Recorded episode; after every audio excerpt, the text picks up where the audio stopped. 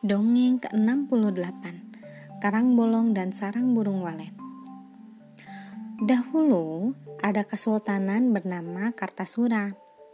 Kesultanan itu dipimpin oleh raja dan permaisuri yang adil dan bijaksana. Hal ini membuat rakyat Kartasura hidup tenang dan damai. Suatu hari permaisuri mengalami sakit. Sudah banyak tabib yang dipanggil namun, belum ada yang berhasil mengobati permaisuri. Semakin hari, keadaan permaisuri semakin parah. Tubuhnya kurus dan tidak bisa bicara. Saat itu, seorang penasihat istana memberikan sebuah saran. Raja disarankan untuk mengunjungi seorang tabib sakti di puncak gunung. Tanpa menunggu lama, sang raja pergi menemui sang tabib. Setelah menempuh perjalanan cukup jauh, akhirnya raja sampai di puncak gunung. Tabib itu pun memberikan nasihat untuk pengobatan sang permaisuri. Pergilah ke pantai selatan, ambil bunga karang yang tumbuh di sana. Jadikan bunga itu sebagai obat untuk permaisuri, kata tabib. Mendengar nasihat sang tabib, raja pun kembali ke istana. Dia memanggil penasihatnya dan menceritakan kejadian di puncak gunung. Baginda, pantai selatan itu sangat luas. Karang di sana juga banyak.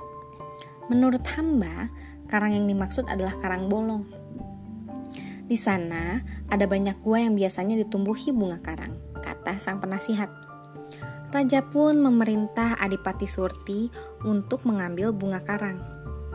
Adipati Surti pergi ditemani dua pengikutnya, Sanglar dan Sanglur. Sesampainya di Karang Bolong, Adipati Surti segera mencari bunga karang. Namun, dia kesulitan untuk menemukannya. Tiba-tiba datang seorang wanita cantik yang bernama Suryawati. Suryawati berjanji akan membantu Adipati Surti menunjukkan letak bunga karang. Namun dengan satu syarat, Syaratnya, Adipati Surti harus mau menetap di pantai itu bersamanya. Aku akan menerima syaratmu Suryawati, tapi izinkan aku kembali dulu ke istana untuk mengantarkan obat kepada permaisuri. Setelah itu, aku akan kembali untuk memenuhi janjiku, kata Adipati Surti. Suryawati lalu menunjukkan tempat obat itu berada. Ternyata obat itu ada di dalam gua. Itulah bunga karang yang dapat menyembuhkan, permaisuri.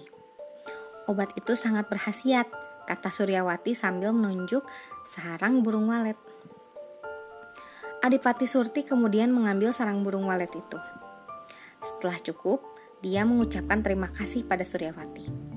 Dia juga pamit ke istana mengantarkan obat untuk permaisuri. Sesampainya di istana, para tabib segera mengolah sarang burung walet itu. Olahan sarang burung walet kemudian diminumkan kepada permaisuri. Setelah beberapa kali minum, keadaan permaisuri semakin membaik.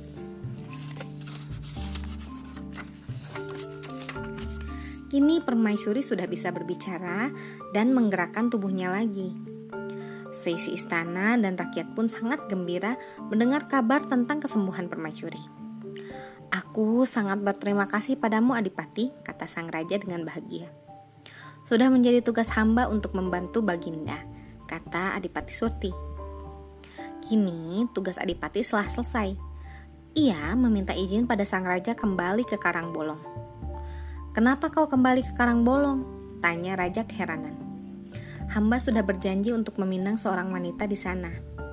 Setelah menikah, kami akan menjaga sarang burung walet yang ada di sana, kata Adipati Surti. Dengan berat hati, sang raja mengizinkan Adipati pergi.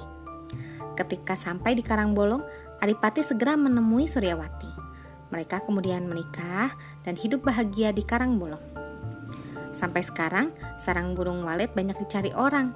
Selain untuk obat, juga dimasak. Sekian, terima kasih telah mendengarkan.